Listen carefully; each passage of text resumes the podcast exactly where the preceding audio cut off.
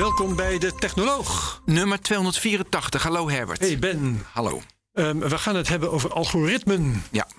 En de aanleiding is um, de ontwikkeling dat algoritmen gedeeld moeten gaan worden met toezichthouders volgens de Europese Digital Services Act. Ja. En een andere aanleiding is dat Elon Musk Twitter's algoritmes wil gaan bekendmaken. Ja. Of hij uh, dat gestand doet, is een tweede. Want hij roept wel eens vaker wat. Maar uh, daarvoor hebben we een oude bekende, Tijmen Blankenvoort. Ja, hallo. Leuk de vierde keer, ja. Tijmen. Ja, de vierde ja. keer.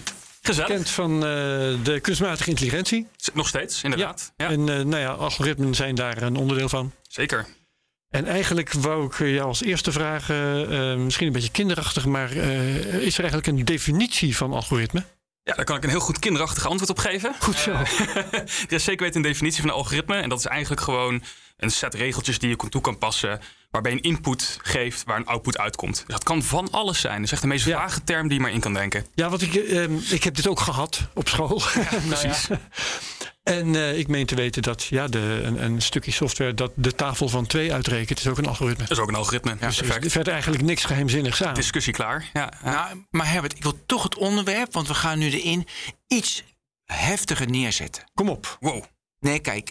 Het was namelijk twee weken geleden. Toen kwam die DSA, die wet zijn ze al natuurlijk meer dan een jaar mee bezig.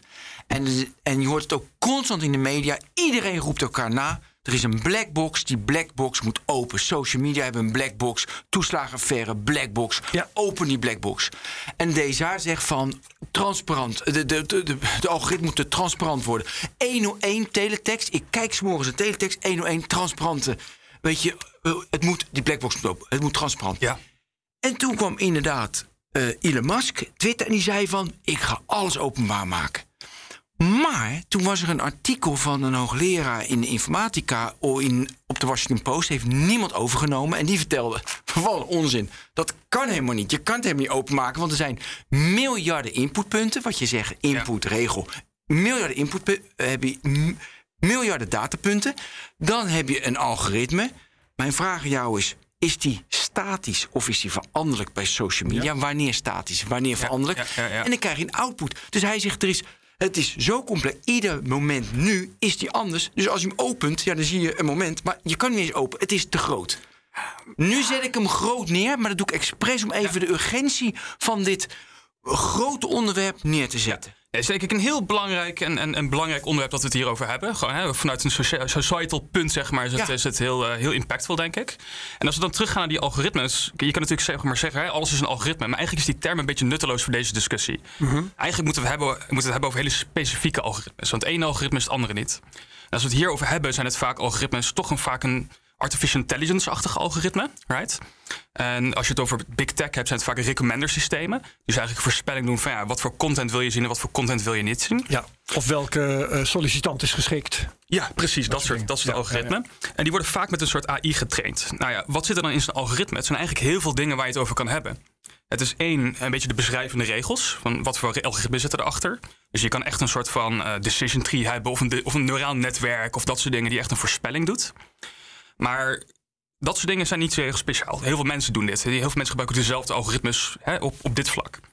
Het andere wat je hebt. Maar even, wat, voor, ja. even het social media, Twitter, even heel simpel. ja, ja. Dan is het van, uh, ik zie een timeline omdat ik geliked heb een tweet van Herbert. Ik kijk langer, ik noem even een paar data inputpunten. Mhm, ik, uh, ik kijk langer naar een, uh, naar een tweet over NFT's, want dat vind Ja. ik leuk. Mensen die je volgt. Uh, ja, D- mensen dat die is wat er volgt. gebeurt, ja. Dus, dus, dus, maar- eigenlijk ja, een basisalgoritme achter wat dus twee vectoren pakt. Eén beschrijving van hoe jij bent als persoon. Eén beschrijving van wat er in het berichtje staat. En daar komt een score uit. En als het een hoge score is, wordt dat berichtje jou getoond. En als het een lage score is, niet. Dat is de basis van dat algoritme. Maar dat leer je dus niet, want dat is statisch, want dat zijn basisregels. Wie, Nee, want die veranderen ook steeds, omdat je elke Ja. dag weer andere dingen liked. Je verandert. Je, ja, precies. En dat is waar ik dus ook heen ga met het argument. Dus je hebt dus zeg maar het algoritme zelf, wat dus die berekening doet. Dat wordt ook getraind aan de hand van data. Maar daarachter zit dus ook wat voor data stop je erin? Dus er zijn mensen die dus kiezen, nou ja, ik, ik wil dat jouw haarkleur erin komt. Of ik wil zeg maar dat, hè, eh, eh, hè, dat, dat, dat, dat een beschrijving van wat jij hebt gedaan op een website erin komt of iets dergelijks. Er zijn mensen die dus de keuzes maken. Wat gaat dat algoritme in? En daarna is er nog eens een keer jouw persoonlijke data. Daar wordt ook continu wordt er iets mee gedaan op dat, door dat algoritme. Maar nu wordt je heel mooi. Ja. Dus je kan dus transparant maken, bijvoorbeeld van... hey, de Ben's haarkleur zit zelfs in dat Twitter-algoritme. Ja, dat kan. En, en dat, die blackbox, die kan je openen. Die verandert ook trouwens. Maar goed. Ja, die verandert ook. Ja, die van het grijzer. Ja. Die wordt, nee, goed, die wordt grijzer. Die doen de technologen al heel lang. Ja. Nee, maar even serieus. Ja. Dus eh, je kan dus wel... Maar dat, zo, dat soort regels, dat is niet veranderlijk. Dat kan je gewoon openen. Ja, en dat is ook dus op het moment dat Elon Musk zegt... we gaan, we gaan het algoritme openbaren... kan hij van alles en nog wat be- bedoelen. Bijvoorbeeld het recommender systeem van Facebook. Ik weet precies hoe dat eruit ziet. Want het algoritme zelf staat online. Maar, Oh, noem eens, noem eens, noem eens. maar niet de data die erin gaat. Niet de data die erachter zit, die de mensen genereren. Maar noem eens het algoritme even dus van Facebook, ook voor mij, ik- over Herbert. Iedereen vindt dat leuk. Wat, wat zijn de criteria? Is dat inderdaad lang kijken, wie je gelijkt, hoeveel volgers Het enzovoort? is ongelooflijk complex. Vroeger was het inderdaad heel makkelijk te beschrijven. Het was gewoon een raar netwerkje. En het- wat hij op wat hij deed, was eigenlijk dingen als likes optimaliseren. En eh, de hoeveelheid tijd dat je naar kijkt en dat soort dingen. Maar dat algoritme is in de loop van de tijd veel complexer geworden. Ze hebben veel meer manually hebben ze daar dingen in veranderd. Omdat, ja, dat wordt gevraagd van Facebook om dat algoritme steeds aan te passen. Dus het is nu een soort van complexe moloch geworden. Maar het kleine stukje algoritme-algoritme, dus het AI-algoritme, is heel simpel. Maar alles wat daar dus in gaat, dat wordt gehandtuned. Dat wordt helemaal veranderd. De wegingen, zeg maar, tussen Ja, maar hoe belangrijk... even dat Ja. kleine algoritmetje, eh, wat, weet Ja. je, dus die wegingen die veranderen. Ja. Dat kleine algoritme, dat is dus heel simpel. Ja, dat is eigenlijk heel simpel. Hoe zie, hoe zie, eh, eh, dus wat zijn die regels dan? De, wat is het simpel aan? Ja. Beschrijf het. Nou, zoals ik al zei, eigenlijk wat er gebeurt, er wordt een beschrijving voor jou gemaakt als persoon. En er wordt een beschrijving van een berichtje gemaakt. En daar komt, als je, maar, als je die twee combineert in een eh, klein neuraal netwerkje, dus een klein recommender system, komt daar een weging uit die een score aangeeft. Right? Dat is eigenlijk de basis van al dit soort algoritmes, dus dat kleine neurale netwerkje. Ja. Maar ehm, die grote bedrijven tegenwoordig moeten daar veel meer aan sleutelen. om dat zeg maar, eh, behapbaar te maken voor ons als mensen. En om dat beter te maken. Want een van de dingen die Facebook heeft gedaan. is op een gegeven moment hebben gezegd: van ja, weet je wat we gaan doen? We gaan berichten tussen mensen, dus met vrienden van jou. waar dus veel comments op geplaatst worden. die gaan we hoger wegen dan andere dingen. Dus dan gaan ze in het algoritme gaan ze aan die input sleutelen. En ze gaan aan de, uit, de buitenkant van het algoritme sleutelen door zeg maar, bepaalde losfuncties daar te veranderen. Zodanig dat die berichten zeg maar, die, hè, die jij eh, in jouw vriendengroep ziet, dat die vaak omhoog komen dan andere berichten. Dus ze zijn eigenlijk op basis van dat hele simpele algoritme zijn ze heel veel uit gaan bouwen. Ze zijn heel veel extra regels toe gaan voegen. Om dat algoritme beter te maken voor ons. Zal ik er een paar noemen trouwens? Want Ja. er is een prachtig stuk verschenen op Hootsuite. Ja. En daar is met jaartal zelfs, hè, 2009, ehm, heeft Facebook besloten, eigenlijk was het eigenlijk het eerste algoritme, om postings ehm, eh, omhoog te zetten met meer likes. Dat is de geboorte van, van de likes. Ja. 2000, ja, 2015 gingen ze downranken de pagina's die er te, erg te veel promotioneel uitzagen.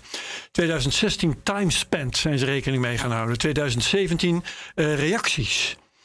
2018 posts that spark conversations and meaningful interactions. Nou, zo gaat dat maar door. Jaar op jaar worden dit soort dingen verfijnd, eh gefine-tuned eh, toegevoegd. En die algoritmes zijn dus nog heel goed moloch geworden. Dus bijvoorbeeld ook Ja. wat jij zei over het, het, het extra kunnen wegen... of het lager wegen van zeg maar clickbait-artikelen en zo. Ja. En wat ze dan doen is een extra algoritme trainen om clickbait eruit te halen. Dan gaan ze gewoon heel veel voorbeelden geven. Dit is clickbait, dit is niet clickbait.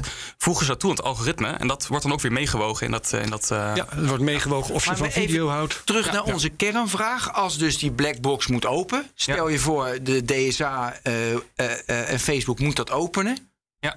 Wat zien mensen dan? Zo, je- Ja. En jij komt in de commissie, want ze nodigen jou uit. Ja, leuk, ja. Want Je bent een expert, dat vind je ook leuk. Ja. En jij gaat meekijken. Ja. Wat zie je dan? En, en kan jij daar wijs uit? Ja, precies. Want- Want je vraagt dus eigenlijk in welke vorm wordt het gepubliceerd? Ja, Is het, is het, want ik heb hier een stuk van Hootsuite, dat begrijp ik. Maar waarschijnlijk eh, gaat als Musk dat gaat publiceren bijvoorbeeld... Of, of Zuckerberg in de vorm van code. Ik ik denk dat het een deelcode is, maar ik denk dat de code niet eens het belangrijkste gedeelte is. Want Mhm. die code, zoals ik zei, dat is zo'n raal netwerkje, dat staat nu ook online, dat kan ik nu ook bekijken. Daar heb ik eigenlijk niet zoveel aan. Oké. Waar je eigenlijk wat aan hebt is de dataset. Dus wat voor data gaat erin? Ehm, en ja, wat, Ja, maar, dat, maar dat kan al niet, want die data is Ja? toch te complex en te veel en te groot, miljarden Klopt. ingangspunten. Maar je kan wel zien wat voor variabelen gaan erin. Bijvoorbeeld hè, die haarkleur waar we het over hadden. Maar bijvoorbeeld ook eh, andere beschrijvingen zou, zou je er ook naar kunnen kijken. Van wat, van wat voor websites komt informatie die ze meenemen. Eh, maar bijvoorbeeld ook, ze hebben ook algoritmes om bijvoorbeeld te kijken wat hate speech is of wat niet. Nou ja, dan kan je kijken, is dat algoritme goed getraind? Er worden ook beschrijvende features meegenomen van plaatjes. Dus als je een plaatje post op jouw, eh, op je, in jouw Facebook-post of op je Twitter-post, wordt ook gekeken naar wat zit er dan in het plaatje en gaat dat goed? Dus je kan eigenlijk naar al die losse onderdelen gaan kijken om te kijken van ja, klopt het wel? Komt het wel overeen met wat we willen? Ja of nee? En dat kan je gewoon doen. En dus de specifieke blackboxigheid van het algoritme valt eigenlijk wel mee eh, in mijn, in mijn bevinding. Het is helemaal niet zo blackbox, je kan alles gaan bekijken. Het probleem is, het is zo complex bij elkaar... dat je niet zomaar een makkelijke vraag kan beantwoorden van... ja, gaat het goed, ja of nee? Nee. En hoe snel verandert het? Ja, eh, wil ik ook. de overkappende algoritmes bijna niet, of heel weinig... Maar alle Eh, data eronder elke dag. Ja, ja. elke, elke, elke keer als jij een Facebook-post maakt, zeg maar, dan zal, zal daar data in opgeslagen worden. Ja. En dan zal dat ook gebruikt worden in de recommendations van zowel jou als en van andere elke, mensen. eh, el- elk iemand die je erbij gaat volgen of juist ontvolgt. Ja, Maar dan is eigenlijk die stelling dat de DSA eist en ook de AI-verordening die in de maak is, weet je, dat, dat eist de hele tijd van het moet transparant worden. Ja. Dat is eigenlijk helemaal geen gekke, als die wet er straks komt en door is, is eigenlijk helemaal geen gekke wet. Het kan dus. Ja, het kan zeker weten. Kijk, sommige algoritmes bijvoorbeeld die, die computer vision doen, right? Die dus, dus echt gewoon in zelfrijdende auto's bijvoorbeeld. Dat zijn algoritmes die een stuk moeilijker te doorgronden zijn, omdat die echt een stuk eh, groter zijn, een stuk complexer. Maar dit soort recommender systemen, zoals ik zei, het belangrijkste Ja. is wat is de data en wat gaat erin. En dat kan je gewoon bekijken. En Je, je kan dat mensen gewoon openbaar maken en zeggen: dit is wat wij meenemen. En de vraag is dan, heb je daar iets aan als je het hebt bekeken? Het ja, ik denk dat je eigenlijk twee dingen moet gaan doen als je dit soort dingen wil gaan bekijken. Ehm, ik denk dat je aan moet kijken wat is de opzet van die algoritmes. Dus wat, gaan, wat voor data gaat erin, wat voor variabelen gaan erin. Het andere wat je moet gaan doen is denk ik auditen. Dus dat je gewoon regels op moet gaan stellen van dit is gewenst gedrag en dit is ongewenst gedrag Van het algoritme. van het algoritme. En dan ga je kijken of dat bedrijf zich daaraan houdt, ja of nee. Dus je kan je bijvoorbeeld voorstellen dat je, als jij wil dat op een bepaald punt dat er zo, hè, zo evenveel mannen als vrouwen getoond moeten worden. Of dat je bijvoorbeeld zegt, je hebt eh, republikeinen en democraten, zeg maar. Dat er evenveel republikeinse berichten als democratische berichten getoond moeten worden. Dat zou je kunnen verzinnen als regel. En dan kan een bedrijf daarna gaan kijken en dan aan Facebook vragen: hey, dit is mijn regel. Klopt dit met jouw algoritme, ja of nee? En dat is wat er dan eigenlijk moet gaan gebeuren. En wie bepaalt de regels dan? Evenveel democraten eh, als eh, republikeinen, hoeveel evenveel mannen als vrouwen, evenveel mannen met grijs haar en wetgever. rood haar? Ja, de wetgever. Ja, kijk, dat is ook het, eigenlijk het hele punt waar ook deze hele discussie vandaan komt. Kijk, Facebook is gewoon begonnen als een bedrijf wat gewoon zoiets heeft van, nou, weet je, wij zijn gewoon een, een mediaplatform, je mag alles posten wat je wil. Nou, toen zijn we erachter gekomen als maatschappij dat dat misschien wel niet zo'n goed idee is, right? Als je gewoon alles maar online post. Volledige freedom of speech. Een heel slecht idee. Maar ja, Vindt Elon Musk niet, hè? ja, vindt Elon Musk niet. ja, daar kunnen we het toch over hebben. Dat gaan we het eh, zeker ja, over ja, precies. Maar ja, Facebook is toen ook op eigenlijk erachter gekomen van ja, ze hebben een best een maatschappelijke impact. Maar zij kunnen dat allemaal niet zelf regelen. Want Facebook kan niet een psycholoog zijn die bijvoorbeeld weet wat voor berichten, hè, wat voor invloed dat heeft op mensen. Ze kunnen ook niet een politicoloog en een socioloog tegelijkertijd spelen. En, niet precies bepalen wat overzien. waar is. Ja, niet bepalen wat waar is. Dus zij kijken eigenlijk ook naar de buitenwereld, ook naar de regelgevers. Ja, wat moeten we nou doen? Vertel ons wat voor regels wij moeten implementeren. Vertel ons wat je wil. Want zij proberen het, maar zij hebben ook niet alle waarheid in pacht. Ja, maar, Ja? maar je kan toch niet als, als overheid kan je dat transparant maken en auditen enzovoorts. Maar dan ga je dus, het Ja. moet binnen de wet zijn allemaal. Ja. Maar goed, een bedrijf kiest zelf dat ik bijvoorbeeld meer mensen met rood haar in een timeline van andere mensen wil. Want dat vind ik leuk. En dit is dus het lastige van deze eigenlijk hele discussie. Want er zijn zeg maar dingen die expliciet in het algoritme gebeuren. En er zijn dingen die impliciet in het algoritme gebeuren. Dus je kan bijvoorbeeld expliciet aangeven dat jij bijvoorbeeld wil dat posts van jouw vrienden hoger komen dan van, van een- nieuwsagency of zo. Dat kan je expliciet in het algoritme stoppen. En dan zal je dat ook zien, ergens in een stukje code. Van nou, dit is hoe we het hebben ingeprogrammeerd. Nou, prima. Maar er zijn ook heel veel dingen die impliciet gebeuren waar je bijvoorbeeld geen overzicht over hebt. Bijvoorbeeld in 2015 was er een discussie met Facebook dat er een bepaalde video was waar een, eh, een, een donkere man was aangevallen door de politie. Een hele grote uproar was dat. En dat werd niet op Facebook gedeeld. Nou, waarom niet? Omdat Facebook zegt, ja, berichtgeving over geweld en zo, dat posten wij niet. Het was een hele grote maatschappelijke discussie over van, hé, hey, ja, je moet het juist wel tonen, laten zien dat het een probleem is. Maar ja, dat algoritme deed gewoon wat het algoritme vond dat hij moest doen, right? dus, dus die keuzes zijn echt heel erg lastig en je kan nooit altijd zeggen, je kan nooit ook als je naar het algoritme kijkt zeggen van, ja, dit is wat gebeuren en dit is wat gaat gebeuren en dit niet. Ja. Er zijn heel veel impliciete keuzes die wordt gemaakt. waar- En, en Nou ja, het wordt is steeds niet zo erg explicieter. als er nu en dan iets misgaat, als het maar snel wordt gecorrigeerd en, Ja. en erkend en zo. En dat is denk ik ook waar we naartoe moeten. Want we moeten eigenlijk ervan uitgaan dat die bedrijven fouten gaan maken.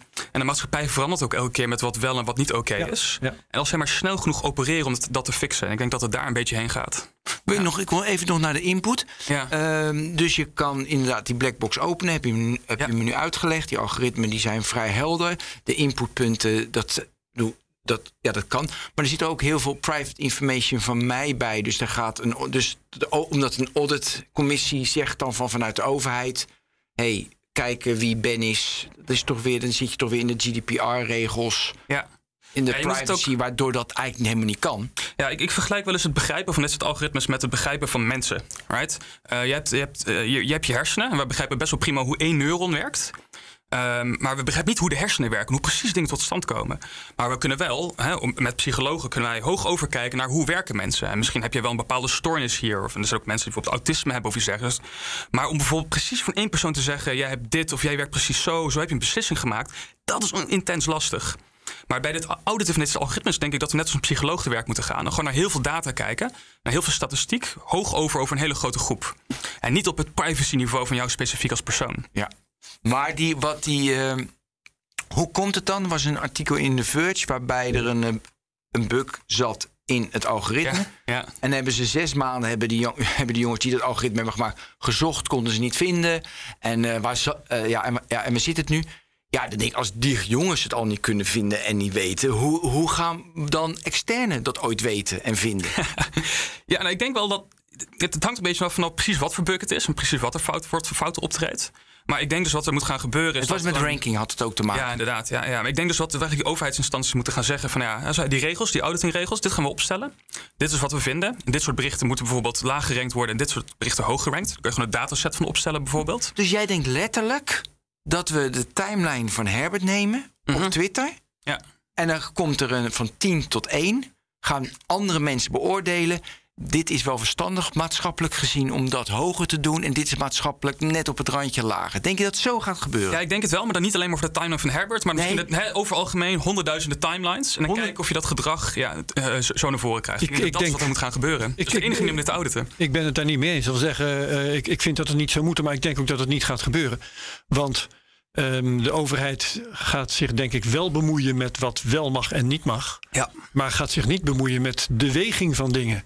De overheid gaat zich niet bemoeien met eh, dit moet een beetje hoger of de kans dat dit hoog komt moet een beetje hoger of lager. Ja. Dat is niet de overheid, dat is niet de taak van Nee. de wetgever. Het gaat om wat toegestaan is en Wat wat over niet. een grens is. En dan gaan we Hate namelijk nu... speech en, eh, on- en desinformatie. Maar en wanneer is het hate sp- eh, Nou ja, dat is, dat is dan moeilijk te bepalen. Maar dat is wel waar de overheid over gaat. Hè. We zijn tegen haatzaaien, oproepen tot geweld, desinformatie. Dat zijn dingen die willen we niet. Ja.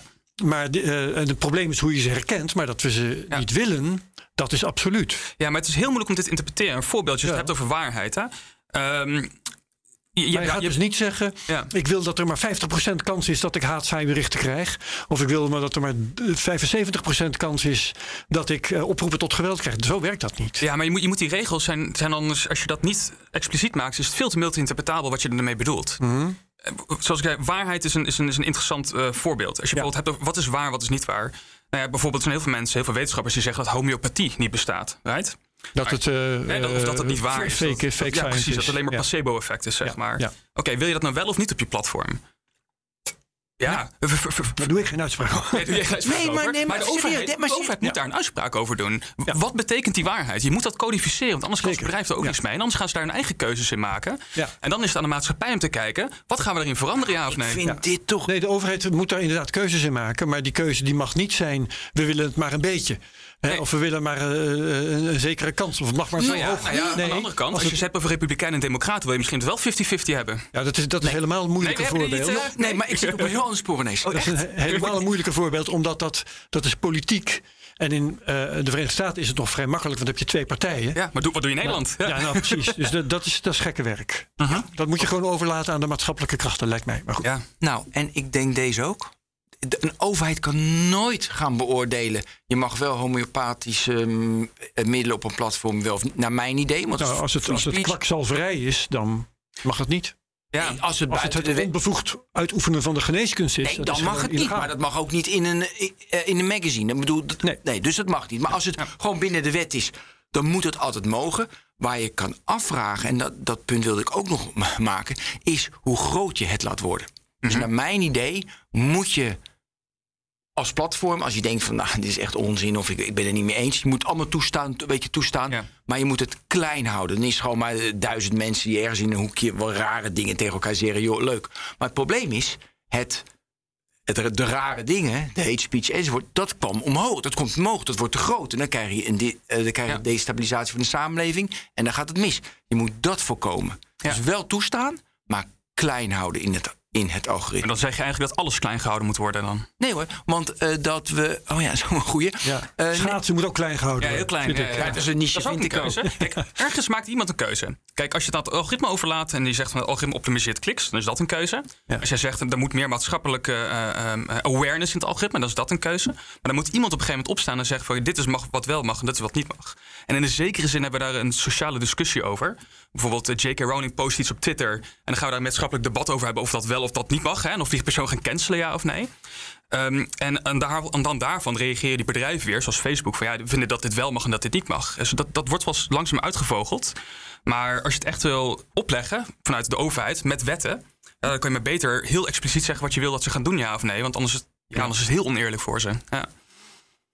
Nee? Nee, je moet, de overheid moet...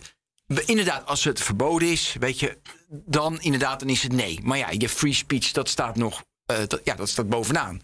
Dus je moet heel veel mogelijk maken, maar klein houden. Vond ik een hele goede. Dan, dan, eh, ik, ja, dan moet je alles klein houden. Ja, dat is ook dan- een keuze. Ja, Ja, dat is een keuze. Nee, daar ga je volgens mij veel meer naartoe. Is dat je expliciet als social media platform. Ik sta voor waarde X, Y, Z enzovoorts. En daar ga ik voor. Dus ik sta voor. eh, ik vind het communisme fantastisch. En dat is een social media platform dat alleen maar communisten. meer communisten omhoog groot zou kunnen maken. Ja. Tegen geweld natuurlijk, maar Ja. communisme bijvoorbeeld. Ja, dat, dat, dat is ook een keuze. Maar je, eh, misschien wil je als maatschappij, als met de politieke vraagstuk wel zeggen van ja, we willen eigenlijk de, alle politieke partijen evenveel ruimte geven. Of misschien ruimte en een rato van het aantal zetels dat ze hebben. Of misschien alleen de populaire partijen laten naar voren komen. Er gaat ergens een keuze gemaakt worden. En je, je onderkomt. Ja, dat, dat, daar, kom je, daar, kom je niet, daar kom je niet uit. Nee, maar nee, maar dat is interessant. Hè? Wij komen dus niet uit. Nee. In Brussel en in Den Haag denken ze er wel uit te komen. Maar als je dus die regels ziet, bijvoorbeeld de AI-verordening. Ja, als ik. Ja, heel goed. Eh, Siri is zo lief voor mij. Die helpt mij de hele tijd. Het is mijn Siri doet ook mee in de technologie. ja, is, is mijn second brain. Presentatie, Siri. Ja, precies. Kijk, dan zeggen ze bijvoorbeeld in de AI-verordening... eh, het is heel belangrijk dat AI-systemen eh, geen biases... dus geen Ja. vooringenomenheid eh, dus maken en reproduceren. Ja, dan denk ik van... alles zit toch vol met bias? Ja, dus het is niet te doen. Eh, nee, precies. Zo'n regel is niet te doen. Een, een collega zei van mij eigenlijk zeg maar dat, dat, dat eh, AI juist kijkt naar biases in de data en het exploiteert. En dat kun je op heel verschillende manieren kan je dat interpreteren. Maar we, we hebben het natuurlijk over, over religie als bias, right? Ja. Nou, je kan prima vragen aan het algoritme van je mag religie niet meenemen. Oké, nu heb je een bedrijf wat keppeltjes verkoopt. Ga je nou in je besluit je, je religie niet meenemen? Hoe werkt het? Ja, nee, ik, ik, vind dat, maar goed, dat, dat, dan komen we op het terrein van meningen. Dat Ja. je eh, best dingen weg kunt houden.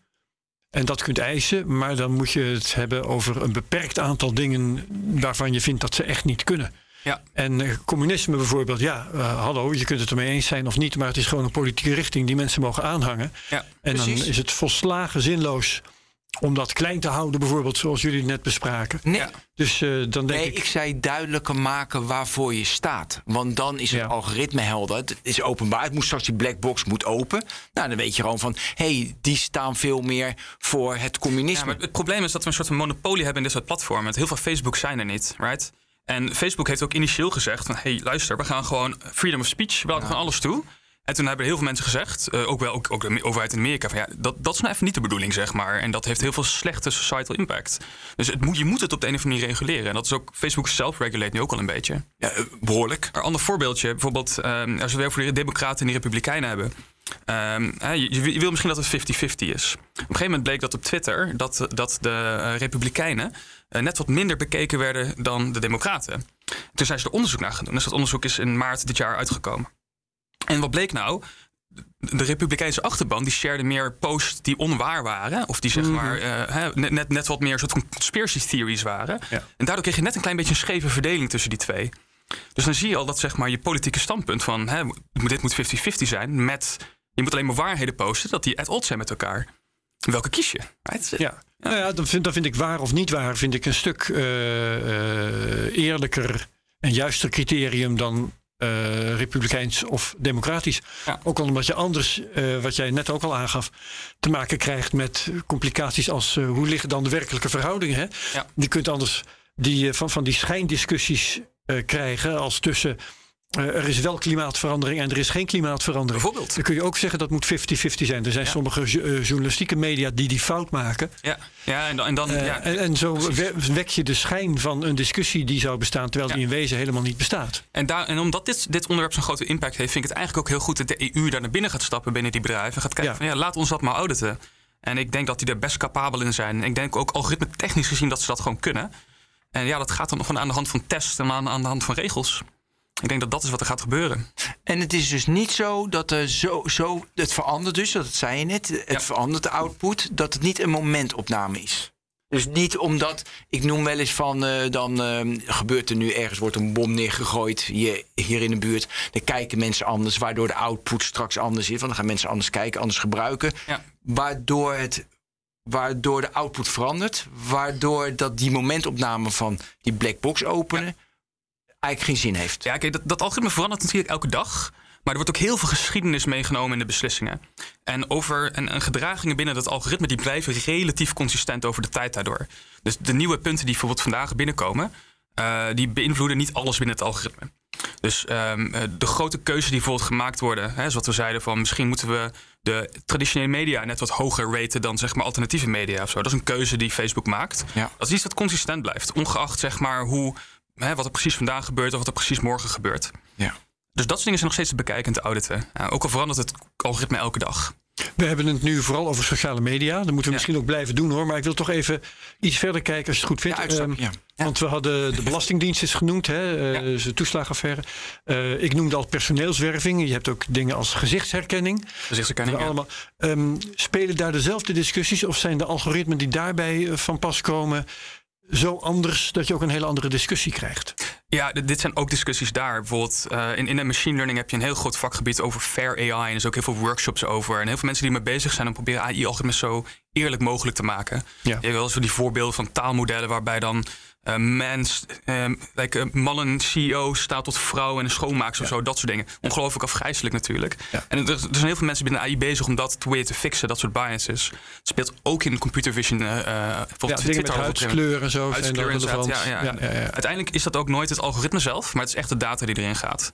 Ja. Dus een algoritme is eigenlijk nooit uit zichzelf racistisch. Het komt gewoon door de data waar het op getraind is. Ja. Ja, dat, dat, ja dat, is, dat gebeurt in elk vakgebied eigenlijk. Overal waar je dit soort algoritmen hebt die getraind worden op data, uh, zal je dit soort problemen krijgen. Ja, ja. Weet jij, uh, even terug naar sociale media. Oh, dan wil ik nog even de toeslagenaffaire. Ja, tuurlijk, Daar ja. ben ik ook nieuwsgierig naar. Uh, als dus blijkt dat blanke witte mannen meer fraude plegen, nou, dan komen er meer blanke witte mannen komen in dat systeem. Dat is logisch. Maar ja, dat is wel racistisch. Ja, maar ja, Ja. blanke witte mannen plegen nu eenmaal eerder ja, fraude. Dus Ja. dan kan ik zeggen, ja, bias mag niet, want dat staat letterlijk in de AI-verordening. Ja. Mag niet.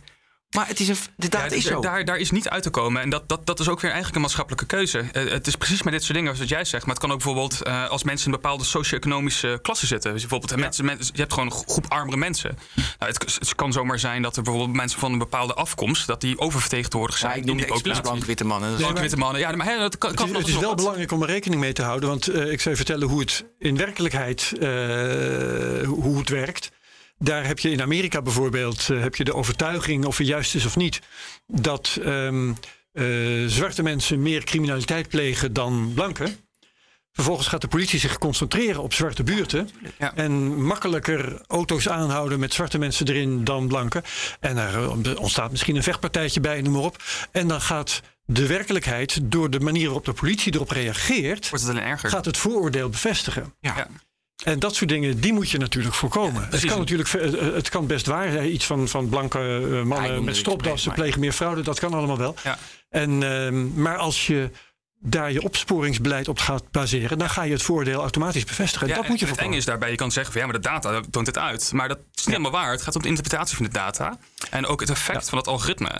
Daar kan iemand daadwerkelijk wat over zeggen. En je kan het effect er prima uitcancelen. Je kan gewoon de ene groep wat minder wegen en de andere groep wat meer wegen. En dan krijg je een meer equal algoritme. En in sommige gevallen is dat misschien een goed idee om dat te doen. In andere gevallen misschien wel niet. Ja. En het hangt heel erg af van, ook van, van de causaliteit van waar je naar kijkt. En het maatschappelijke nut van de output daarvan. Zeg maar, dus bij de toeslagenaffaire hebben ze naar jouw idee de weging niet juist gedaan. Ik weet niet precies wat in de Nee, ook toeslagenaffaire niet, qua algoritme maar- gebeurd is. Maar, maar het zou zomaar kunnen zijn dat dat gebeurd was. Of dat er een algoritme achter zat die dus... Ja, eh, misschien zat er wel een bug in, wie weet. Ik weet niet precies wat daar ge- eh, gebeurd is. Maar het zou kunnen zijn dat er een wegingverschil in zit. Ja. Oké, terug naar social media. Ja, terug naar. Ja. Want ehm, het ging net over kliks Ja. eh, die geoptimaliseerd werden. En ik wilde eigenlijk van jou weten, eh, weet jij wat de algoritme van bijvoorbeeld Facebook, maar voor mij part ook Twitter, Instagram, noem ze maar op, wat die nu werkelijk optimaliseren? Of dat de tijd is die je doorbrengt op een pagina, of het aantal advertenties dat je ziet, of inderdaad het aantal kliks, of de aantal meters dat je scrolt. Wat Ja. optimaliseren ze nou eigenlijk? Eh, ehm, ehm, al, al die dingen. Dus tijd op het platform is denk ik eh, voor hen belangrijk. Ehm, dus da- daar optimaliseren ze over. Maar ze optimaliseren ook over de kliks. En ze optimaliseren dus over. ze hebben dus ook die wegingen, wat ik zei, dat sommige posts van vrienden van jou hoger worden gewogen dan andere, dan Ja. andere, andere posts. Ze zullen ook niet je hele timeline volstoken met alleen maar ads. Er zit altijd een bepaalde weging tussen ads. maar als je, als je het zo beantwoordt, dan zeg je eigenlijk dat er iets anders wordt geoptimaliseerd. ehm, eh, en dan denk ik aan de bottom line. Ja. Want dat is waarschijnlijk waar het Facebook uiteindelijk om gaat. En als, eh, ehm, als de praktijk uitwijst dat bijvoorbeeld, dan noem ik het niet optimaliseren, maar maximaliseren. Als het maximaliseren van de time spent of het maximaliseren van de kliks, als dat de, eh, het rendement maximaliseert, Ja. de winst, dan kiezen ze dat. Nou, ik, ik, ik zou zeggen dat ze wel eh, dat een grote factor is, zeg maar, wat zijn de posts die ze kunnen posten dat je lang op het platform blijft. Ik denk dat eh, dus hoe meer je interactie je hebt, eh, hoe langer je op het platform blijft, en dat zit er zeker weten in. Maar die, al die andere regels die ik noemde, zitten er ook in. Dus het is eigenlijk een combinatie van de beide. Ze proberen zoveel mogelijk posts te vinden die eh, misschien, ik, ik noem maar een lukraak getal, misschien 50% posts die je op je platform houden. Ja. Of 50% posts zeg maar, waar je misschien daadwerkelijk wat aan hebt. Maar ze proberen dat een beetje te optimizen. Maar het is niet meer zoals vroeger dat er gewoon één algoritme is met één getalletje zei: dit is wat we optimizen, wat we doen. Het is nu een veel mottiger verhaal geworden. Ja, een veel mottige complexer verhaal. Maar uiteindelijk, voor mij Herbert, wat je bedoelt is... uiteindelijk willen ze gewoon dat je klikt op die advertentie, op die sponsored ad. Dat is... Voor en- ads wel, ja, En, precies. ja, en, het, he- en daar verdienen ze geld mee. Het Ja. helpt als je dan time, eh weet je, spent lang, weet Ja, je, dat dat het lang is. Klopt. Het helpt als, jij, eh, als je het via je vrienden komt, als je veel vrienden Ja. kijkt. Het helpt, nou, enzovoort. Maar En als dat een Facebook van erachter- handgemaakte keuzes. Facebook er proefonder- proefondervindelijk achter komt dat ehm, eh, time spent eh, optimaliseren twee keer zo goed werkt Juist. als meters scrollen optimaliseren, Eens, eens. Ja. dan kiezen ze daarvoor, want dan is dat beter voor de bottom line. Ja, Ja. precies. Maar dat, dat zijn ook vaak wel dingen die dus zeg maar een beetje ad hoc, ad hoc bestudeerd worden. En die dus wel gewoon manually in het algoritme gestopt worden. En niet zozeer dingen die geleerd worden door het algoritme zelf. Ah, zo. Dus Waarom niet? Nou, kijk, omdat de, de lange termijn effecten van bijvoorbeeld, eh, misschien kan je alleen maar ads op je, op, je op je platform plakken. En misschien werkt dat voor de eerste twee dagen heel goed. En daarna verdwijnt iedereen van het platform af. Right? Dat zijn van die lange termijn effecten die heel moeilijk voor ze te herleiden zijn naar het gedrag op dit moment. Dat is interessant, want bij de laatste eh, quarterly results van Facebook hadden ze meer advertenties ge- geserveerd voor een lagere prijs. Want de prijs zakte, ze kregen het niet meer weg. Dus dan gaan ze meer advertenties, wat natuurlijk weer gevaar is, want er, want er gaan mensen. Dus het hangt ook vanaf, hey, wat willen de aandeelhouders zien? Van kunnen we het nog net? Weet Een beetje, een beetje meer wegen en dat soort dingen. Ja, ja maar, maar dat, zijn, dat zijn eigenlijk keuzes die meer de mensen erachter maken dan dat de algoritmes maken. Die algoritmes zijn te dom om die lange termijn effecten te, te. Dat is ook iets anders waar we het nog eigenlijk niet over hebben gehad. Die algoritmes zijn eigenlijk knijterdom. Oh, leuk. Ja, Vertel. nee, IQ's 1, daar begon je mee Ja, in ja, ja. aflevering 2 Maar deze, deze algoritmes zijn nog dommer. Want dit- dit, zijn echt hele domme algoritmes. En, en de reden Vertel daarvoor... waarom. Om, omdat, eh, omdat het businessmodel zo werkt.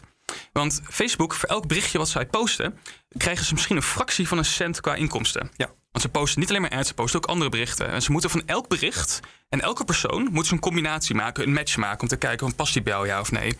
Dat betekent om al die dingen uit te rekenen hebben ze een heel klein computational budget. Ze hebben heel weinig rekenkracht om die, dat besluit te maken voor die post voor jou als persoon. Wat dat betekent is dat eigenlijk het neurale netwerk dat ze gebruiken een mini mini klein algoritmetje is. Het is echt veel dommer dan dat de meeste mensen denken. En dat is ook waarom je eigenlijk als je vaak naar ads kijkt van ja, waarom, recommenden ze dit nou weer Ja, hiermee, is- ja. Ja, of, of altijd dezelfde dingen recommenden, zeg maar. Dat komt omdat het algoritme eigenlijk heel dom is. En dat komt omdat, die comp- eh, omdat de computer niet zoveel wil rekenen, omdat Ja. het snel moet. Dus als de computer sterker, steviger enzovoort worden. Ja, het, het is letterlijk zo. Kijk, ehm, het doen van dit soort recommendations kost Facebook heel veel energie. En ze hebben gewoon een budget per post. Datacenter is even op. Nee, precies. Ja, dan maakt het misschien goedkoper. Kan je slimmere algoritmes krijgen. Maar Maar, wacht dat is echt ho. zo. ho. Ehm, dat, eh, je, je zegt eigenlijk, eh, ze hebben daar maar een heel klein budget voor. Ja. Maar ehm, of dat is een bewuste keus. Juist. Dat wil zeggen dat ze hebben uitgevonden dat als je daar meer energie in steekt en meer geld aan besteedt, dat het niet helpt. Helpt wel. Ja, je kan betere recommendations maken als je algoritme beter en sterker en En groter dan, wordt. dan is niet alleen het algoritme dom, dan is Facebook zelf ook dom. Want dan benadelen ze zichzelf door niet wat meer in die, eh, dat eh, keuzealgoritme te steken. Nee, is afweging toch? Het is een afweging. Zij, zij proberen de kosten van zeg maar, de energie, gewoon letterlijk de energiekosten van de datacentra, eh um, proberen ze af te wegen tegen de benefits die je krijgt. Oh, door, Oké, het zou te maken. veel kilowatt kosten. Het kost, ja, het kost letterlijk gewoon power. Ja, ja, ja Dat zeker. heb ik nog nooit gehoord. Dit. Nee. Ja. Grappig, hè? Ja. Ja. Dus als, wat ik zeg, als straks die computers meten beter, sneller, quantumcomputers, dan kost het minder. Ja, kan, Want Dus oké, je, kunt, ja, je, je- kunt, ja. ja, je, kunt, je kunt wel meer ehm, omzet boeken door eh, dat te verbeteren. Maar dan eh, verhoog je ook de kosten en het netto resultaat is dan negatief. ik zou zelfs eh, durven te zeggen dat op het moment dat de energiekosten omhoog gaan, dat je recommendations slechter gaan worden. Want eh, ze hebben er gewoon minder rekenkracht voor. Ja, Nee, of willen gebruiken. Ze maken Of willen dan- gebruiken, Ja, ja. ze maken minder marge. Dus precies, maak je minder marge. Ja, ja, ja, precies. Nee, dit is letterlijk hoe het werkt. Dus ook als mensen denken van, oh, deze AI is heel slim. Nee, AI is heel erg dom. eh, die die achter zit. Nog veel dommer dan de gemiddelde AI die je in zelfrijdende auto's en dat soort dingen hebt. Ja, Ja, als AI een keer slim wordt, dan kom je het ons vertellen. Hè? Dan, Ja, dan, kom je, willen we... dan, dan, dat, dan sta ik als Over eerste. 20 sta ik, jaar eh, is dat Dan sta ik met de toeter buiten, zeker. Ja. Nou, als je iets slims in, in een, eh, ja, inderdaad, in een algoritme iets slims hebt, hebt ontdekt, dat is slim. Ja. Dan moet je het zeker vertellen. Ja. Kom ik er zeker weten doen dan. Ja. Ehm, we zeiden net het optimaliseren van, eh, van tijd, kliks enzovoorts. Ik wil even naar het begrip time spent toe. We hebben het vaak over, vaak over gehad hier.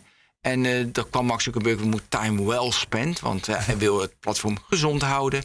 Ja. Maar ja, welke cape, wat hang je daar aan? Wat is well spent? Dat is subjectief. Dus dat is nooit echt doorgegaan. Heb jij daar ideeën over? Wat well spent is? Hangt voor ieder mens is dat afhankelijk? Eh, Nee, ja, is het anders? Ja, ik, zoals ik al zei, ik, ik weet dat Facebook veel meer is gaan kijken naar traditionele media en veel meer eh, ehm, eh, content van, van goede sources. En dat zijn sources dus beter ranken. Dus dat is misschien time be- beter Ja. spent als je ernaar kijkt. Ja. Meer meaningful posts tussen mensen. Ik denk dat dat betere time spent is. Ehm, ja, upwayen van artikelen, zeg maar ook wetenschappelijke artikelen en dat soort dingen. Dat gebeurt volgens mij in zekere mate. Eh, Misschien vinden ze dat time wel spent, maar het is heel lastig dat te zeggen wat dat precies inhoudt. Ik denk in ieder geval niet dat ze het in een getalletje eh, encapsuleren daar. Nee. Ja. Dan mag ik even naar Twitter? Zeker? Eh, we moeten ook nog even naar Musk namelijk. Maar Twitter, zeggen ze, dat is het rioolputje van het internet. En uh, al die negatieve dingen. En, uh, ja. het, is, het is nog geen 4chan, maar goed, ja. Nee, precies. Maar, maar, maar kan je je timeline anders doen? Dus jij zegt van, als Elon Musk dat algoritme aanpast... dan zou het minder, en ja logisch, dan wordt het minder het afvalputje. Dat kan die doen, ja. Of, of juist zeggen, ik wil meer freedom of speech en het nog vrijer laten. Ja, en dan wordt het nog meer af. Ja, ja. Wat, ja, precies, dat wil hij. Maar dan wordt het nog meer voor andere mensen een afvoerputje en voor andere mensen weer niet. Ja, ja dit, dit, dit, we zitten eigenlijk altijd met dit soort algoritmes tussen twee uitersten. Aan de ene kant heb je het uiterste waar je zegt van... ja, we hebben alleen maar traditionele media, right? Dus we hebben geen freedom of speech. We doen alleen maar wat er al bestaat en dat laten we zien. Dus niemand kan nergens iets op commenten of doen. Aan de andere kant zeg je, kan je zeggen van ja, we doen gewoon alles random. Gewoon alles wat mensen posten, het maakt niet uit, we laten het gewoon zien. Ja, en ja binnen de wet dan. Binnen de, binnen de, nou ja, nou, ook zelfs of, of niet, als je, als, je, als, je, als je op sommige plekken... Hè, ja, dat het, als, je, als je echt het afvuurputje van het internet bent... dan heb je dat helemaal niet. Ja, we moeten er gewoon als maatschappij een goede keuze tussen maken. En ja, ik ben er wel zelf een beetje bang voor... dat als Twitter dat gaat doen, het op, opener gaat zetten... dat we dezelfde problemen krijgen als dat we op andere platformen hebben gezien. Dat je ook veel meer hate speech krijgt en veel meer issues en problemen... en dat het niet allemaal zo makkelijk eruit te filteren is. Ik wil uh, even toch voor alle zekerheid bezwaar maken tegen uh, de veronderstelling... dat uh, de freedom of speech al of niet bij Twitter te vinden is. Ja. Want zowel in de Verenigde Staten als hier en een groot aantal andere democratische landen hebben we freedom of speech, hebben we vrijheid van meningsuiting. Want dat betekent namelijk, dat, en heel veel mensen hebben dat gewoon mis.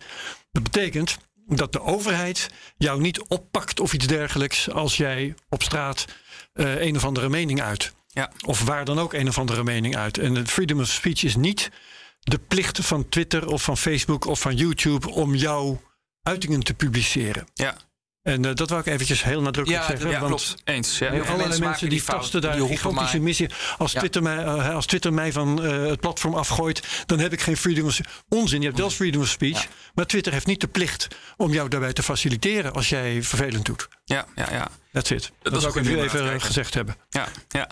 Eh, kunnen we nou even twitteren naar Elon Musk? Eh, hij had een heel grappig en apart interview met die gast die de, de TED Talks, eh, Chris Anderson. En eh, Oh ja. toen- toen ging het over van, eh, ik vind spinazie eh, lekker. Ik vind spinazie, eh, nee, ik vind spinazie goed. Eh, nou, prima, dat mag je zeggen. Ik vind, eh, nee, ik vind, dat was het. Ik vind spinazie vies. ja, Dan, ik vind Poetin vies. ja. Ik vind spinazie zo vies, het moet verdwijnen. Ik vind Poetin zo vies, hij moet verdwijnen. ja. En dan krijg je al van, oké, bij spinazie Hmm. prima. Maar bij Poetin heb je van, moi. Ja. Hoe ga je dat modereren? Hoe ga je dat in een algoritme oplossen? Ja, ja maar goed, je bent nu de beleidsmaker van de EU. En je moet iets mee. Er komt een hele Ja. de hele samenleving staat op springen. Ja, nee, precies. Ja, hoe, wat moet je ermee? Ja, eh, ik, ik denk dat die platform het zelf ook niet weten. En ik denk dat die, dat die EU het eigenlijk ook niet heel specifiek weet hoe, hoe ze dat precies aan gaan pakken. Ik, een paar dingen doen ze wel goed. Hè? Dus ze zeggen bijvoorbeeld op het moment dat er bepaalde. ehm, ze gaan bepaalde instanties opzetten. Die dus dat kunnen controleren. Maar die ook een soort van preferred flaggers worden. Dat op het moment dat ze berichten zien, dat ze ze weg kunnen laten halen. Bijvoorbeeld, dat Ja. is één manier om dat te doen. Dus gewoon by virtue of gewoon heel veel mensen naar te kijken en een consensus. En je moet natuurlijk wel bepaalde instanties dat laten doen, en niet groepen mensen. Want anders eh, gaat het, ontploft het hele internet. Want eh, eh, iedereen die voor iets is, die gaat, die gaat het upvoten. En iedereen die tegen iets is, gaat het proberen weg te laten halen. Dat werkt niet. Dus je, gaat, je kan misschien instanties ernaar laten kijken om dat op die manier te doen. Wat, wat oké is en wat niet oké is. Maar zelfs van deze statements, ja. Misschien moeten we het ene wel vinden, ja of nee. Weet ik, Maar weet weet ik je, niet. ehm, je kunt eh, altijd grensgevallen bedenken. Ja, precies. Ehm, maar dat wil niet zeggen dat je die kant niet op moet. Want ehm, kijk, eh, als ik op Facebook zet, ik vind dat Ben van den Burg overhoop geschoten moet worden. Dat is evident iets wat daar niet thuis hoort. Ja, ja. Ja, hè, dat is, zeker, dat is ja. makkelijk. En het scheelt al een hoop als je een of ander automatisme hebt om dat soort dingen automatisch eraf te flikkeren. Maar dat is wat al die bedrijven doen. Ja, dat is wat al die bedrijven al sowieso doen. Echt iets van Ja, precies. 99% Ja, ja, ja. van de hate speech wordt ook eruit gefilterd door Als ik automatische nou kijk naar het voorbeeld van Spinazi en Poetin. Ja. Dan denk ik, oké, dat is ietsje moeilijker. Maar ook weer niet heel veel moeilijker. Dat zul jij waarschijnlijk bevestigen, Ja. eh Tijmen. Want als je, ehm, eh, je kunt bijvoorbeeld een regel instellen hè, dat eh, iets moet verdwijnen. Oké, als het over groente gaat, dan, doen we, dan vinden we dat niet erg dat het daar staat. Gaat het over mensen, Ja. dan vinden we het al wat meer erg. Ja, of Hè, andersom. Eigenlijk, eigenlijk wat we altijd doen is data aan het algoritme geven. En dan, en dan iets kleins erop trainen. Omdat ze maar het ene eruit filtert en het andere niet. Je gaat er heel veel voorbeelden geven. Ja. Waar, waar, waar ik aan moet denken trouwens, Ben. nou, wij zijn sportliefhebbers, dus eh, dat De VAR. Ja. Hè, voorheen hadden we altijd gezegd, met, is het buitenspel of niet, is die bal uit of niet. En de scheidsrechter had het wel of niet goed gezien. En altijd maar, eh, altijd maar foute beslissingen. Mhm. En de VAR heeft ontzettend veel foute beslissingen nu geëlimineerd. Ja. Want er wordt even rustig naar gekeken, wordt een minuutje vooruitgetrokken. En, dat en wat blijkt nou? Er zijn nu, als de VAR wel heeft ingegrepen, ze- is soms, soms nog altijd discussie. Hadden we pas dus weer met die penalty voor Feyenoord. Ehm, maar dat is nog geen reden om die VAR niet te hebben. Want het zijn veel minder van dit soort gevallen die we nu hebben. En ze zijn nog veel subtieler. Ja. Eh, nou, er gaat nog wel eens wat mis, maar er gaat veel minder mis. Ja, dat, het gaat ook, ook vele malen beter ook tegenwoordig. Dus op al deze platforms er zitten hele sophisticated algoritmes achter... die dus eh, nog steeds dom zijn. Maar die wel gewoon veel beter de hate speech Die wel helpen, halen. ja. Het agressie, geweld, eh, pornografie. Allemaal van dat soort dingen die niet op dat platform wil. En dan soms het gaat grootste iets fout, want dan is het een vrouw die de borst geeft, weet je wel. En nou, Ja, precies. Ja, we daar dat daar weer. weer een debat over in, de maatschappij. Maar we zo komen we langzamerhand steeds een beetje beter en dichterbij... van wat vinden we nou wel als maatschappij acceptabel en wat niet. Dat gaat ook in de tijd veranderen. Dus we gaan nog heel veel van dit soort discussies hebben. Maar wat ik wel goed vind is dat al die platformen er best wel open voor staan... om dit te veranderen en aan te pakken. Dat is Ja. wel, eh, ja. En dit is gewoon de vervolgstap daar eigenlijk in. Dat, dat de EU daarin gaat grijpen en daar ook naar gaat kijken en het gaat auditen. Ja, maar ik, dus ik dacht van de EU dat is kansloos. Weet je, blackbox, het is te complex. Maar jij zegt dat is dus helemaal niet kansloos. Het- ik denk niet dat het kansloos is. En ik denk ook dat het een tweede effect heeft. Dus op een gegeven moment is er een soort van whistleblower gekomen bij Facebook ook. Eh, Francis eh Haugen heette die. Ja, Fantastisch verhaal. En ja, leuk, een heel interessant verhaal. Maar die, die, wat zij is ook misschien hè, de, eh, eh, goed opmerkt, dat weet ik niet. Ik ken het hele verhaal niet. Maar wat zij opmerkt is dat, dat er misschien wel mensen binnen Facebook waren die het willen veranderen. Maar dat er niet zo'n haast achter zat. Omdat ze er niet accountable voor werden, voor werden gehouden. Wat gaat er nou gebeuren? Het was met- even voor de mensen. Het was, een, het was een intern, on- eh, intern onderzoek waar, waaruit bleek dat voor tienermeisjes eh tussen 13 en 16, dat was het on- onderzoek, Ja. eh, minder, minder goed zelfbeeld kregen omdat ze veel op Insta zaten. Ja, precies. En misschien waren er ook wel mensen binnen Facebook die er graag wat, wat aan wilden doen. Maar Ja. volgens haar zat er niet zo'n urgentie achter om dat te veranderen. Want het kost natuurlijk tijd en geld om dat een nieuw algoritme te trainen, om dat in de plek te brengen, dat te testen, et cetera. Maar ik denk als nu zoiets gebeurt en dan de EU zit ernaar te kijken, dat er dan sneller daar iets mee gaat gebeuren binnen zo'n bedrijf. En dat vind ik eigenlijk heel erg goed. Ja, het is, het is allemaal top, top, top, top. We zijn allemaal blij. Maar er zit misschien nog, en dan moeten we even, even onderzoeken... een fundamenteel probleem wat je net zei, Herbert... over uiteindelijk zoveel mogelijk geld verdienen met advertenties. Dus ja, dan moet je toch eh, iets extremer... want dan blijven mensen lang hangen, dat vinden mensen mooi... En van, hey, goed voor de samenleving. En de meisjes mogen, moeten niet een negatief zelfbeeld krijgen. Dat snappen we allemaal, minderjarig zelfs. Ja, dat was schandalig. Ja, ja, ja. Dus, maar da- daar zit natuurlijk nog wel een, een, een contradictie in. Eh, ja, er zit een klein beetje een contradictie in. Maar net zoals Herbert net al zei, ik denk dat die twee wel dichter bij elkaar gaan komen. Dus dat zeg maar, die bedrijven dus wat meer moeite gaan doen om dit soort problemen op te lossen. Eh, aan de andere kant moet de EU ook niet, niet ervoor zorgen dat Facebook straks helemaal geen geld meer gaat verdienen. Want daar heb je natuurlijk ook niks aan.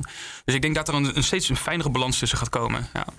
Het is niet per, per se een contradictie, hè? want je kan gewoon het ene net wat meer wegen dan het andere. En ik denk dat dat prima is.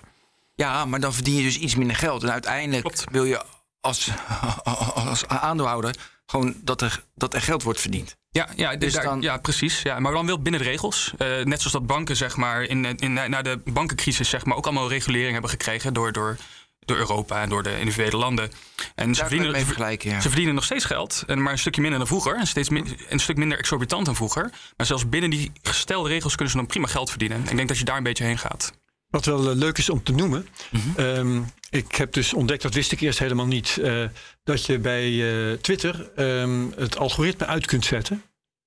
En, Ja, gewoon logische. En hoe ziet, hoe ziet het eruit? en dan eh, krijg je een chronologische timeline. Ja. En eh, ik wist niet eens hoe mijn setting was. En dat bleek dus te zijn met algoritme, zal ik maar Ja, zeggen. per- ja, precies. Per default doen en ze toen heb nu. ik eh, dat omgezet in eh, doe maar eens even chronologisch. En ik vond er meteen niks meer aan. Ja. Serieus. Ja. En dat betekent dus dat, dat, dat je met, met die ene knop verander je een sociaal medium waar je iets aan hebt in een sociaal medium waar je niks aan hebt en waar je dus ook niet meer terug zou komen. Maar hier zit een interessant verhaal achter. hè? Ja. Dat was ongeveer drie, vier jaar geleden was het bij Twitter altijd... dat moest chronologisch, dat moest chronologisch. Maar ze verdienen natuurlijk helemaal geen geld. Nu nog steeds niet. Maar ze verdienen helemaal geen geld. Toen zeiden ze van, nou nee, oké, we gaan overstag. Ja. En Jack Dorsey was echt, baalde er echt van, nou, we gaan overstag. Want het moest zo zuiver mogelijk, moet het alleen maar chronologisch zijn. Nou, toen gingen ze dus eh, wel al... al Ja, dan- dan zie je ook alweer hoe belangrijk die recommender systemen zijn, zeg maar. En hoe belangrijk het ook, ook, ook voor ads om getarget te zijn. Want een klein bedrijfje, zeg maar, wat bijvoorbeeld een nieuw product wil aanbieden aan mensen. Ja, die, die, die wil niet het geld hoeven betalen om de hele wereld hè, te, te, te. Dus alleen de mensen die, zeg maar, die potentieel geïnteresseerd zijn in dat product.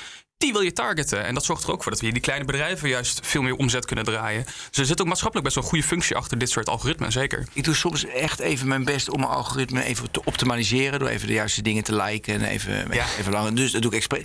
Maar het blijft soms. bl- Maar ze zijn heel dom. Ja, ja, ja, dus, ja, ja. dus daardoor komt dat. Dat het net niet dan toch weer is.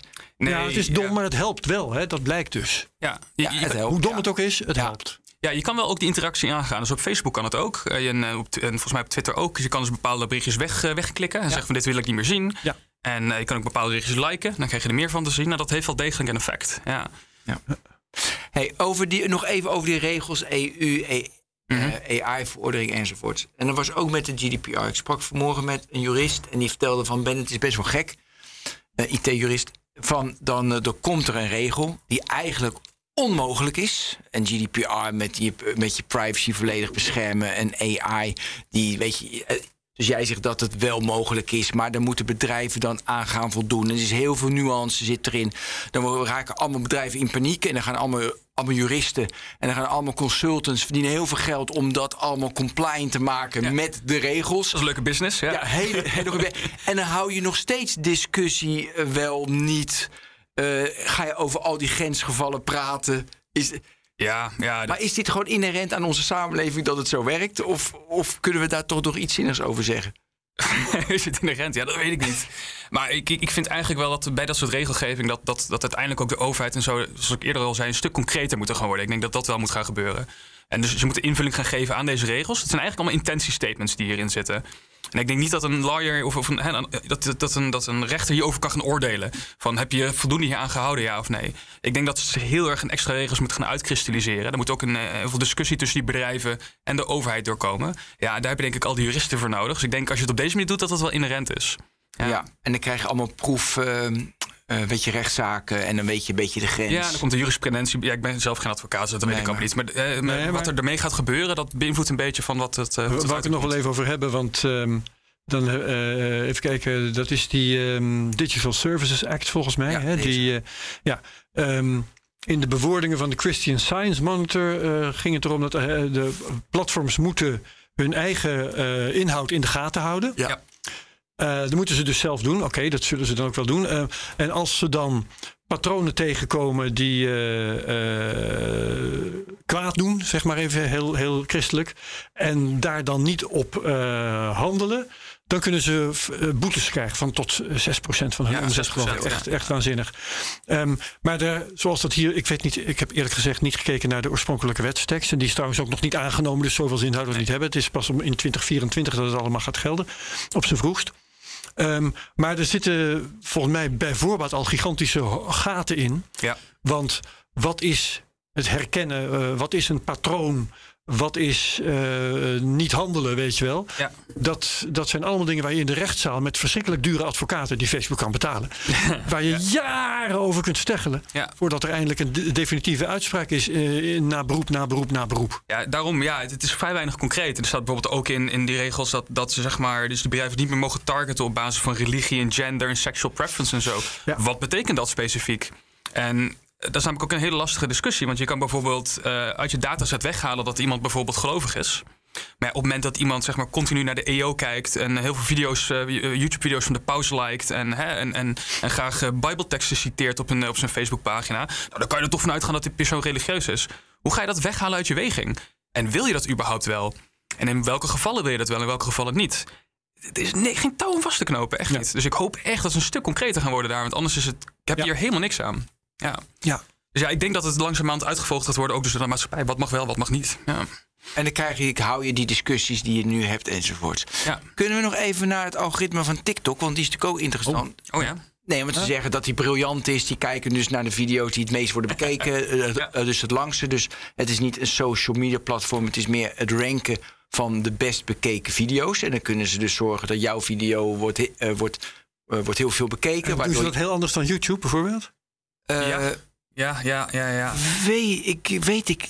Nee, omdat het niet namelijk, het is geen social media. Het is geen, het is geen vriendenlijst. Je krijgt gewoon, nou, eigenlijk hetzelfde als YouTube dan, ja. ja. ja. Nou ja, YouTube houdt ook rekening met abonnementen en uh, ja, precies. Veel. En ook met likes, dat soort ja. zaken. Maar dat heeft TikTok vast ook. Ik ken TikTok niet zo goed. Ja, kijk, het is hetzelfde. Kijk, Instagram is ook net een ander platform dan Facebook. Want aan Facebook komt er ook heel veel meer tekst, komt er bijvoorbeeld. Dus er worden veel meer artikelen ja. gepost, er worden veel meer discussies gehouden. Ja. Instagram zijn gewoon atjes. En daar kan ook wel van alles nog wat mis, mis ja. mee gaan. Hè? Je kan er ook allemaal enge teksten opzetten, nazi-symbolen, whatever je wil. Maar de problematiek ligt daar een heel stuk anders. Er wordt een stuk minder. Er zit een stuk, een stuk minder fact-checks wordt er gedaan op Instagram. Dat er gewoon minder content gepost wordt. En TikTok is eigenlijk precies hetzelfde. Uh, TikTok is veel meer leuke video's en interessante video's van mensen. En dus die makers van TikTok hebben een stuk minder te maken met het moderaten van die content. Gebeurt nog steeds, want er wordt nog steeds van alles nog het gepost qua video's. Dat lijkt me wel verstandig, uh, want heel veel jongeren ook weer op TikTok ja. en, uh, en sexting en al ja. dat gedoe allemaal. Ja, maar er wordt wel een stuk minder politieke content geplaatst op dat soort platforms. Dus ze hoeven dus ook in die zin minder te moderaten. Ja, in Nederland. Maar toen dat hele, die hele hele Hongkong-affaire. Ja, ja. Toen was het, dus dan zag je in Amerika Hongkong hashtag zag je rellen, maar dat zag je niet in Hongkong. Ja. Omdat het China is en het is van ByteDance. En Precies, ja, ja, inderdaad. Ja. Dus, dus er, wordt ook, er gebeurt ook moderation, er gebeuren ook andere wegingen. En die algoritmes lijken ook heel erg op elkaar die erachter zitten. Maar de Zijn die openbaar? Die kan je ook weer allemaal eraf en, en die weet ik niet van, van, van ByteDance en TikTok. Nee, dat maar ik dacht wat even aan Parler, weet je wel? Want mm -hmm. dat is, uh, oh, dat wordt free speech. Nou, die krijgen dezelfde problemen. maar ik dacht, kunnen ze dan het algoritme kopiëren ze dat dan van bijvoorbeeld Facebook, Instagram? Als ze allemaal openbaar zijn, dan kan je weer een hustle maken. En dan weer... Nou, openbaar betekent niet dat je het mag gebruiken. Nee, maar, nee maar dat je wel een, een inzicht krijgt in wat er allemaal is. En dat ja. je niet helemaal van scratch... Nou, kijk, het, het, het, wat wel een punt is, dat het opzetten van een nieuw social media bedrijf een hele taaie rakker gaat worden. Ja. Want um, al die wetgeving waar je aan moet voldoen, ehm, gaat er wel voor zorgen dat je dus al die algoritmes nodig hebt. Je hebt die data nodig om te trainen. Je moet de infrastructuur opzetten om dus die monitoring te doen en zo. Ik denk dat het bijna onmogelijk wordt gemaakt om een nieuwe sociale media platform te maken wat heel Niet groot is. Ja, ja, ja. Behalve als je het doet zoals bijvoorbeeld zo'n TikTok, die er gewoon minder last van heeft van dit soort, eh, van dit soort eh, eh, dingen. Maar ja, het is wel heel lastig om dat te doen. Ehm, omdat juist aan al die wetgeving moet je gaan voldoen. Die dat er nog niet helemaal is, maar in de, zeg maar, in de ma- maatschappij veel discussie. Ja, je, je, je hebt nu ook nog een recommender systeem nodig. Wat Herbert net ook al aangaf op, eh, op Twitter. Als je het uitzet, is het eh, bijna niet te gebruiken. Dus je gaat het alsnog nodig hebben. Dus je moet daar al heel sterk in zijn, wil je social media Dat platform betekent dus dat je bergen software nodig hebt, eh, licenties, eh, rechten, noem maar op. Ja. Eh, data moet je kopen voordat je aan de slag kunt. Ja, misschien En dat komt gaat de een EU dan- start-up Ja. niet voor elkaar krijgen. Nee, misschien, misschien komt de EU daarom met die reden op een gegeven moment wel met een soort van anti-compete iets of zo. Of een, of een, van een competitie set regels dat het algoritmes ook openbaar gemaakt moeten worden. Krijg je weer een heel hoop andere Nou ja, issues. Ja. wat je dan als start-up nog wel kunt doen, is een, eh, een compleet nieuwe tak van sport bedenken. Ja. Die wij nu nog niet hebben verzonnen. Precies, ja. Dat eh, vroeg of laat, dan komt er toch weer iemand die de, de status quo doorbreekt hoor. Dat, eh, Ja, dat, Waarom? ja, en die gaan dan weer op dezelfde issues uitkomen uiteindelijk. Als Ja. ze groot genoeg worden. Dus er komt een soort evolutie in. Ja, ja, ja. En dat is op zich ook wel goed aan, de, aan die EU-regels nu. Dat ze ook. Ze zijn gestaffeld naar hoeveel users op het platform zitten, volgens mij. Ja. Dus sommige users krijgen veel, meer met de, veel meer met sommige regels te maken dan anderen. Ja, het is ook bij de Marketing Act. Dan is het 45 eh, miljoen moet je, moet je echt boven de 45 miljoen Boven- val je ja, daaronder. ja. Ja. Ja, En ze hebben bij dat, die AI-verordening hebben ze high risk en hebben ze naar low risk. En bij de high risk, dat is ook eh, face recognition, mag dan niet op straat. En dat, eh, ja, klopt. Er zijn ook alweer verschillen in. Dus, nee, dus die, die jongens in de Europese Unie eh, en, en dames die zijn er wel goed in, denk ik, om dit soort dingen te verzinnen. Ik denk dat die, eh, dat, dat wel eh, relatief succesvol gaat worden. Ja. Nou goed, maar dan de uitvoering, dat zag ik met GDPR, dat wordt dus lastig. Dat gaat- Naar mijn ja, idee ja. is dat altijd lastig. ja, ik ben heel benieuwd wat er gaat gebeuren, zeker. Ja, ja, ja, ja. Oké. Als het gaat om eh, gez- ge- gezichtsherkenning, werd eh, nu net genoemd. Zijn die algoritmen op dit moment inderdaad zo goed? Bijvoorbeeld, eh, we weten dat in Oekraïne dat dode Russen worden herkend en hun ouders worden aangeschreven. En Joost nog weet ook allemaal Ja. meer. Is dat veel safe? Nee, zeker niet. Er worden ook heel veel fouten in gemaakt. Ja. En er zijn ook gewoon mensen die gewoon überhaupt op elkaar lijken. En een foto. Kijk, wat veel van die, van die bedrijven volgens mij doen, is dat ze naar social media foto's kijken van mensen. En daar maken ze een soort van facial profiel van. En dan proberen ze dat te matchen aan een foto die je dan maakt. En dat is zeker weten niet veel cijfers. Er zijn heel veel mensen die op elkaar lijken. Sommige foto's worden uit verschillende hoeken gemaakt. eh, slechte lichtbelichting en dat soort dingen. Dus het is niet veel safe. Maar ze zijn wel schrikwekkend eng accuraat. Dat, eh, dat, dat, ja, ze halen wel hele hoge accuratesses met dit soort dingen. Wat is het percentage ongeveer, weet je dat? Dat zou ik niet uit mijn hoofd kunnen Nee, zeggen. nee, Nee, nee, nee, nee. Maar, maar wel meer dan 50% accuraat, zeg maar. Ja. Oh, dat vind ik eh, niet dat je zegt, op basis daarvan gaan we maar iemand, iemand aanschrijven dat hun zoon is overleden. Eh, nee, maar misschien als je het met hele grote getalen doet en voor een marketingstunt misschien dan wel weer. Ja, ja, ja, ja.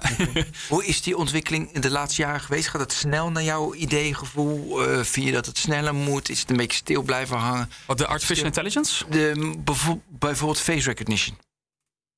Eh, face recognition weet ik zelf niet heel veel van qua algoritmes. Maar AI gaat nog steeds best wel hard. Dus er komen echt wel steeds veel meer nieuwe ontwikkelingen. Algoritmes worden sterker, de datasets worden groter. Je ziet ook nu dat er taalmodellen getraind worden van gewoon, gewoon miljarden parameters. Waar we vroeger nog misschien hadden over honderden parameters. Hè, echt eh 50 jaar geleden. En, en misschien een paar jaar geleden toen ik hier zat, hadden we het over tientallen miljoenen parameters. Nu worden er gewoon miljarden parameters netwerken gebruikt. Het is veel veel groter. Ze zijn ook veel sterker. En dus die AI gaat hard nu op dit moment nog steeds. Ik weet dat de hype er een beetje uit is misschien. Maar het, eh, qua applicaties en qua wat AI-algoritmes kunnen... het gaat nog steeds best wel hard. Ja. Eh, iedere post die ik, die, die ik doe op Facebook, de hele tekst wordt geanalyseerd Ja. door een AI en van Ben. En ook ehm, zeg maar de context, de subjectiviteit, het wordt allemaal ge- geanalyseerd. de dan wordt waarheid ervan wordt geanalyseerd. Ja, ja, ja, hate speech ervan wordt geanalyseerd. De foto's die je hebt gepost worden geanalyseerd en naar gekeken. Videootjes worden, worden geanalyseerd. Alles, ja. in een fractie van een seconde snel. Precies, met een heel, zoals ik zei, met een echt een heel weinig budget om, om, het, om dat te kunnen doen. Dus er wordt heel weinig energie in gebruikt. Ja. En als ze het dan zeggen, "Oeh, ik twijfel, dan gaat het naar een van die 40.000 woord moderators. Ja, ja, dat is ongeveer wat er gebeurt met, met dus die hate speech en racisme en dat soort eh, eh, eh, berichten. Die worden geanalyseerd aan algoritme. Daarvan wordt gezegd het is veilig of het is niet veilig. En daar worden meerdere factoren meegenomen. De tekst zelf, maar ook vaak wel- welke persoon is het en dat soort dingen. Dus als iemand gewoon geen geschiedenis heeft van het posten van dat soort berichten, dan eh, eh, wordt, het ook net wat lager, ja, wordt het ook net wat lager gewogen. Uh, dus dat wordt allemaal gedaan. En dan, volgens mij filteren ze echt een belachelijke hoeveelheid van 99 of 99,5 procent van die filteren ze automatisch eruit. En de rest wordt nog aan mensen getoond om, om te beoordelen of het wel mag Ja, of niet mag. weet je wat ze zouden moeten automatiseren, waar ze eh, AI slash algoritme voor zouden moeten ontwikkelen? Nou? Second opinion. Hmm. Want er is dus een algoritme dat bepaalt of iets door de beugel kan of niet. Ja. Dat betekent dat als je zegt ik ben het er niet mee eens, kijk er nog eens naar. Ja, als hetzelfde algoritme dat gaat doen, komt er natuurlijk hetzelfde uit. Ja. Ga ik tenminste vanuit. Anders is het eh, toch ook niet goed. Maar dan zou je eigenlijk een onafhankelijk, onaf- onafhankelijk ontwikkeld algoritme moeten hebben dat ongeveer hetzelfde doet. Maar er toch met, eh, door zijn oogharen eh, onder een andere hoek naar kijkt. Ja, Want nu, het probleem is nu dat als je het ergens niet mee eens bent, en je filmpjes van YouTube gegooid, of, of je foto is van Facebook geschrapt, Ja. dan eh, kun je wel een protest indienen. En vroeg of laat wordt daar wel eens een keer naar gekeken. Ja. Maar iedereen weet dat de wachttijden daarvoor idioot zijn. Ehm, En al die tijd is je, is je posting verminkt. ja, in, maar in een zekere zin gaat alle content al langs meerdere algoritmes. Oh, is het zo? Ja, ja grappig genoeg zeg maar, ehm, omdat het zoveel eh, energie kost, zoals ik al zei, om die post te maken. ja, ja. eh, zijn er dus zijn er verschillende tranches van die algoritmes. Dus één algoritme die is zeg maar heel snel. En die gaat kijken, is het in gro- grosso modo een hate Ah, ja. of nee? En daarbij ligt de, de, de threshold ligt een stuk lager. Dus die laat een hele hoop door. Dan is het net iets gecompliceerde algoritme. En dan nog een gecompliceerde algoritme. Oh, Dus die gaat, elk berichtje gaat al langs verschillende tranches. Met verschillende complexiteiten eh, van, van, voor, en zijn die, gaan die allemaal uit van eh, het totale pakket van postings? Of krijgt het tweede algoritme alleen wat het eerste heeft afgekeurd? Of krijgt hij alleen wat het eerste heeft doorgelaten? Ja, dat, precies dat. Ja. Oké. En op het moment dat je dat dus doet... Dus wat de eerste algoritmes- afgekeurd is sowieso afgekeurd. Ja. En dan komt de tweede en die keurt nog meer af. Ja, klopt. En dan de derde nog meer. En je, als je er maar voor zorgt dat het goed gestaffeld wordt, dus dat, dat als je het goed inricht eh, qua, qua eh, eh, kansverdeling, zeg maar, dan gaat dat best prima. Ja. En alle data wat jij noemt, bijvoorbeeld als iemand zegt van ja, dit mag wel, dit mag niet, dat is dus dan al data waar al die algoritmes, maar met al die data waar ze op getraind zijn en zo, al naar hebben gekeken, is van ja, we weten het niet. En dat zijn dus eigenlijk de moeilijke voorbeelden. En op het moment dat dat weer beoordeeld wordt door een persoon, gaat dat weer terug die algoritmes in om geleerd te worden. Oké, dus elk algoritme heeft ook een, niet alleen een categorie ja en nee, maar ook een categorie dit durf ik niet te zeggen. Ja, de meeste van die algoritmes die geven eigenlijk een soort van eh, doorgaans slecht gecalibreerde, maar dat maakt niet uit, een, een kansverdeling. Dus, dus Ja. hoe groot is de kans dat wij dit hate speech vinden, Oké. ja of nee? En Facebook maakt dan brackets en zegt eh, dit gaat eh, van 0 tot 30 gaat in elk geval in het prullenbak. Van 30 tot 50, daar kijken we nog naar. Precies. Van 50 tot 100, dat Ja. laten we toe. D- dat is precies wat er gebeurt. Ja. Ja, ja, ja. Oké. Interessant. Mooi. Nee, ik heb, dan heb ik een laatste vraag. Ja. Om het eh, rond te maken. Dat Washington Post artikel waar ik het over had. Dan is assistant professor Nick Seaver die zegt van... dat de mensen, die de, de systemen zijn zo complex bij Twitter... dat zelfs de mensen die... die eh, dat de tech companies themselves, die weten niet, die vinden het moeilijk waarom de ene post boven de ander staat. Ja. Dus hij zegt, de people inside Twitter, die, die, die hebben nauwelijks, eh, nou die weten niet waarom een post wel of niet. Nee. Klopt dat nu of niet?